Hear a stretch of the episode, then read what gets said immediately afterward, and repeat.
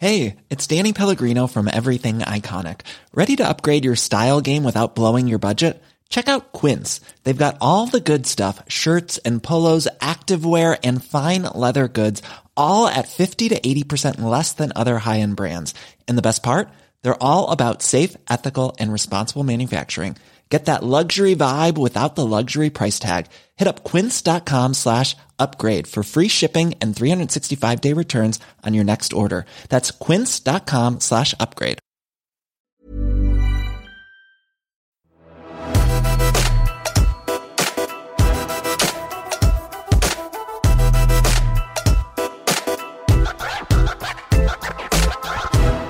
Tenkte jeg det skulle handle om B2B-markedsføring. For jeg sitter her med en eh, fersk rapport fra Inbound, altså Inbound-byrået Inbound. Og de har laget da en rapport som heter B2B-markedsføring i Norge i 2021. Og det har de gjort da i samarbeid med Markedsføringsforeningen i Oslo. Og det er etter det de selv skriver, Norges største B2B-markedsføringsundersøkelse, hvor 716 norske B2B-bedrifter har deltatt, og de som deltok, er da jevnt fordelt mellom små, mellomstore og store virksomheter, og for så vidt også da jevnt fordelt mellom hva gjelder størrelsen på selve markedsføringsavdelingen. Undersøkelsen ble gjennomført i perioden november til desember 2020. Og lenke til rapporten ja, den finner du selvsagt da down below. Og jeg har lyst til å prate litt om den undersøkelsen her, fordi det er ganske mange interessante funn her. Noen av funnene bekrefter gamle funn, altså gamle tilstander. Eh, andre funn er ganske så overraskende og motstridende. Og flere av funnene peker, eller vitner i hvert fall, om et enormt potensial hvis funnene i så måte da er korrekte, ærlige og ikke minst da representative. Og når det er sagt, så kjenner jeg meg også ganske godt igjen i de funnene. Og med det så tenker jeg da på min egen bakgrunn. Altså jeg begynte jo å jobbe i 1995. Jeg har alltid jobbet i B2B-virksomheter. 17 år i IT-bransjen, i Cisco, Juniper, D-Link blant annet.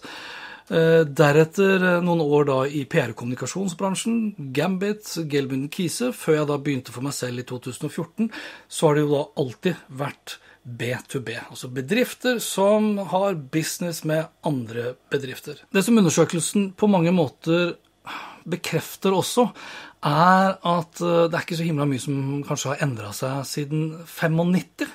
Altså B2B-virksomhetene er først og fremst salgsdrevne.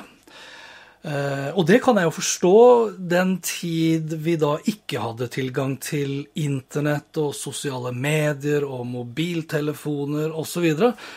Men i dag så er det vel Kanskje jeg skal være litt streng og si at jeg er ganske skuffet over at funnene i så måte peker i så sinnssyk retning av at bedriftene tenker først og fremst på tradisjonelt salg. De er salgsdrevne. Og når jeg sier at det er skuffende, så er det jo fordi vi vet jo, hvis vi tenker etter, og vi vet av undersøkelser også, at i B2B-sammenheng så starter nesten alle kundereiser, altså kjøpsprosesser osv., med et søk.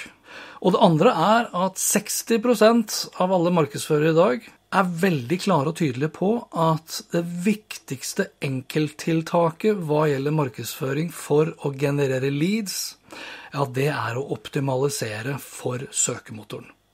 Når da kun 4% av norske B2B-virksomheter svarer at det å drive trafikk, og kun 20% svarer at det å bygge merkevare og kjennskap er det viktigste mange ønsker å oppnå med markedsføringen, ja, så er det rett og slett nedslående. Og ikke overraskende så svarer jo nesten halvparten av respondentene også at markedsføringens viktigste tiltak, ja, det er å øke salget. Altså markedsføringen skal konvertere. Og det er jo selvsagt riktig at til syvende og sist så handler markedsføring, markedskommunikasjon, kommunikasjon som sådan, om å øke resultatet. Det skal jo føre til mer inntekter. Hvis det kun fører til større utgifter, ja, så er det jo fånyttes. Men det veldig mange da glemmer å tenke på, det er jo at markedsføringen og kommunikasjonen som sådan skal jo da øke også da kjennskapen til sjappa kunnskapen om hva de driver med, hvor flinke de er, og hvor stor grad av tillit man bør ha til dem, hvor gode holdninger og omdømme osv. For det er først da du vil faktisk da oppnå økt salg.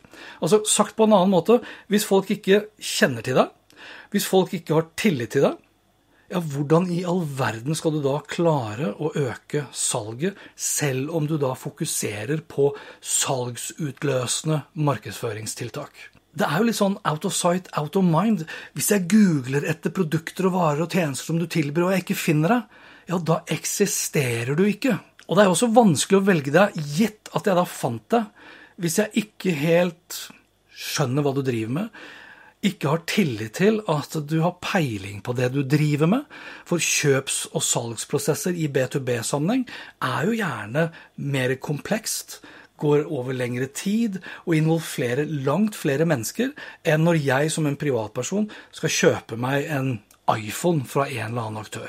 Og hvis jeg ikke har tillit til det du holder på med, jeg stoler rett og slett ikke på kunnskapsnivået ditt, da blir du heller ikke top of mind. Da blir du ikke en aktør som jeg sånn sett da snakker om, altså word of mouth eller word of mouse, hvis du vil. Og da hjelper det i hvert fall ikke hvis hovedmarkedsføringstiltakene dine bærer preg av forstyrrende markedsføring, som mest av alt handler om å trenge deg inn i min feed, på min skjerm, i min e-postboks med tradisjonell reklame. Og når da 60% svarer at de ikke engang har en tydelig markedsstrategi og plan, kombinert med at 79% svarer at de kun har delvis, eller ikke engang helt klart definerte og tallfesta markedsføringsmål, Altså er det jo ikke så himla rart da, at over 50% svarer at ikke de ikke har god nok tid til å skape gode resultater av markedsføringen. Over 30% svarer at de har for lavt budsjett. Og nesten like mange sier at de mangler kompetanse, eller at det interne samarbeidet ikke fungerer godt. Og det interne samarbeidet i så måte er jo ofte da mellom markedsavdelingen og salgsavdelingen. Så sum av summarum er jo at resultater har en tendens til å utebli hvis innsatsen ikke er av strategisk art hvis ikke det blir sett på som viktig nok. Og da er vi tilbake til start. Da er vi jo tilbake til det faktum at fortsatt i 2021 så er de fleste B2B-virksomheter salgsdrevne. Til tross for at de fleste B2B-kjøp starter med et Google-søk. Og her skurrer det ganske kraftig for mitt vedkommende. For i rapporten så kommer det frem at over 40% svarer at de oppnår ønska resultater med markedsføringen. Og målet var jo da i stor grad om økt salg og det å generere da leads. Og det klarer de da åpenbart uten en god plan. De klarer det med for lite tid, for lavt budsjett, manglende kunnskap, dårlig internt samarbeide og ingen planer om å drive verken trafikk eller bygge merkevarekjennskap. De fleste tar seg heller ikke tid engang til å måle effekten av markedsføring, verken på nettsidetrafikken, på leads eller på salget som sådan. Allikevel så melder de at de oppnår da resultater, og da kan jo det tyde på at den eneste måten de da måler resultat i så måte, er å se da på saldoen på bankkontoen. Altså Her er mildt sagt eh, skuffelsen stor og potensialet enda større. Det er enormt. Og potensialet blir jo ikke mindre enn da når jeg ser på hvilke taktikker som er da de mest populære.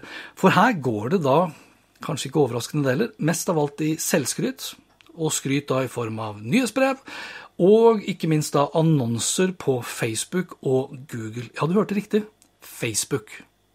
Altså Det er jo en myte for veldig mange, og nå sier jeg ikke at det her er galt, men det er en myte blant veldig mange B2B-ere at LinkedIn er det eneste som gjelder når det kommer til B2B, mens Facebook er det eneste som gjelder når det kommer til B2C.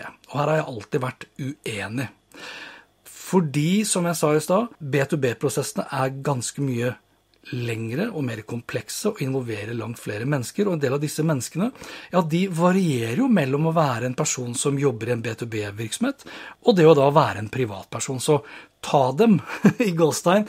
der hvor de er, og selvfølgelig da med et budskap da, som de er i modus til å ta inn over seg i den kanalen hvor det budskapet da blir distribuert og sånn sett da markedsført. Og Det som også overrasker meg, det er at nesten halvparten av norske B2B-virksomheter hevder at de blogger. Og det syns jeg høres fryktelig mye ut. Og selv om andelen for så vidt er lav, så høres det også mye ut at nesten 10% av norske B2B-virksomheter eh, sier de podkaster. Det er også nyhetsbrevene og annonseringen på Facebook og Google som gir best resultat, skal vi tro undersøkelsen. Og det da til tross for at de fleste av oss, som nevnt allerede flere ganger, i B2B-sammenheng begynner kundereisen med et Google-søk. Og det henger jo for så vidt da også sammen, da. For siden 4% altså kun 4% svarer at de jobber strategisk med markedsføring for å drive trafikk, og over 50% ikke engang bryr seg om å måle og analysere den trafikken, så er det kanskje ikke så overraskende at de føler at de får mest effekt ut av nyhetsbrev og tradisjonell annonsering. Jeg sier føler, fordi de fleste svarer jo også at de ikke engang måler effekten.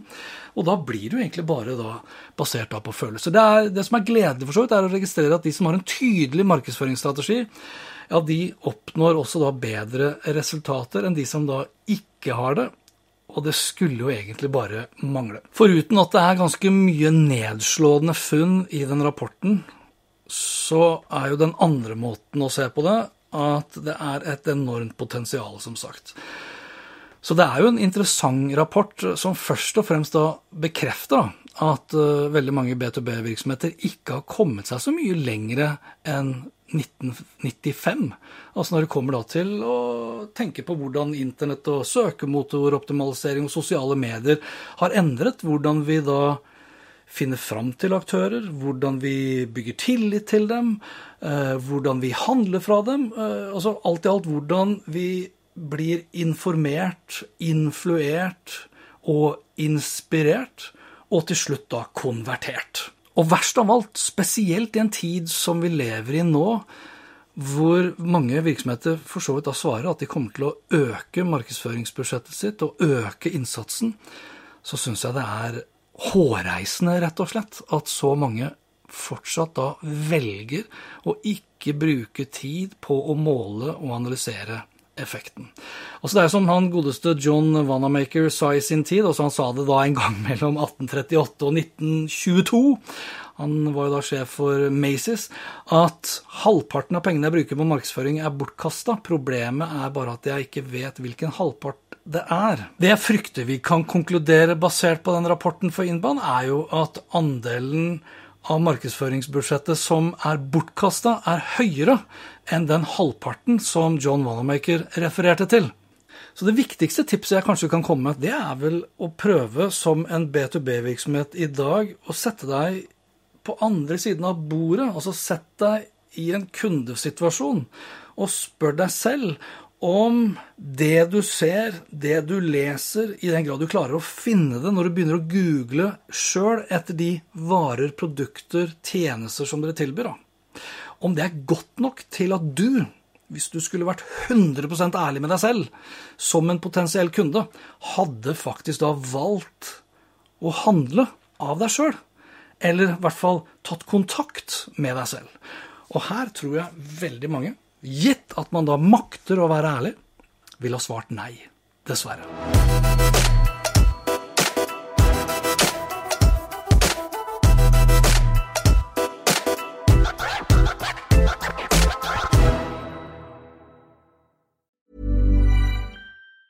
Hey, it's Danny Pellegrino from Everything Iconic. Ready to upgrade your style game without blowing your budget? Check out Quince. They've got all the good stuff, shirts and polos, activewear and fine leather goods, all at 50 to 80% less than other high-end brands. And the best part? They're all about safe, ethical and responsible manufacturing. Get that luxury vibe without the luxury price tag. Hit up quince.com slash upgrade for free shipping and 365 day returns on your next order. That's quince.com slash upgrade. My business used to be weighed down by the complexities of in person payments. Then, Tap to Pay on iPhone and Stripe came along and changed everything. With Tap to Pay on iPhone and Stripe, I streamlined my payment process effortlessly. Now I can accept in person, contactless payments right from my iPhone. No extra hardware required. What's truly remarkable is how I can cater to all of my customers' payment preferences. Whether they're using cards, Apple Pay, or other digital wallets, Tap to Pay on iPhone and Stripe ensure a smooth checkout experience every time. And it's not just me. Stripe helps businesses of all sizes, from local markets to global retailers, scale quickly and stay agile. To learn how Tap to Pay on iPhone and Stripe can help grow your revenue and reach, visit stripe.com slash tap iPhone.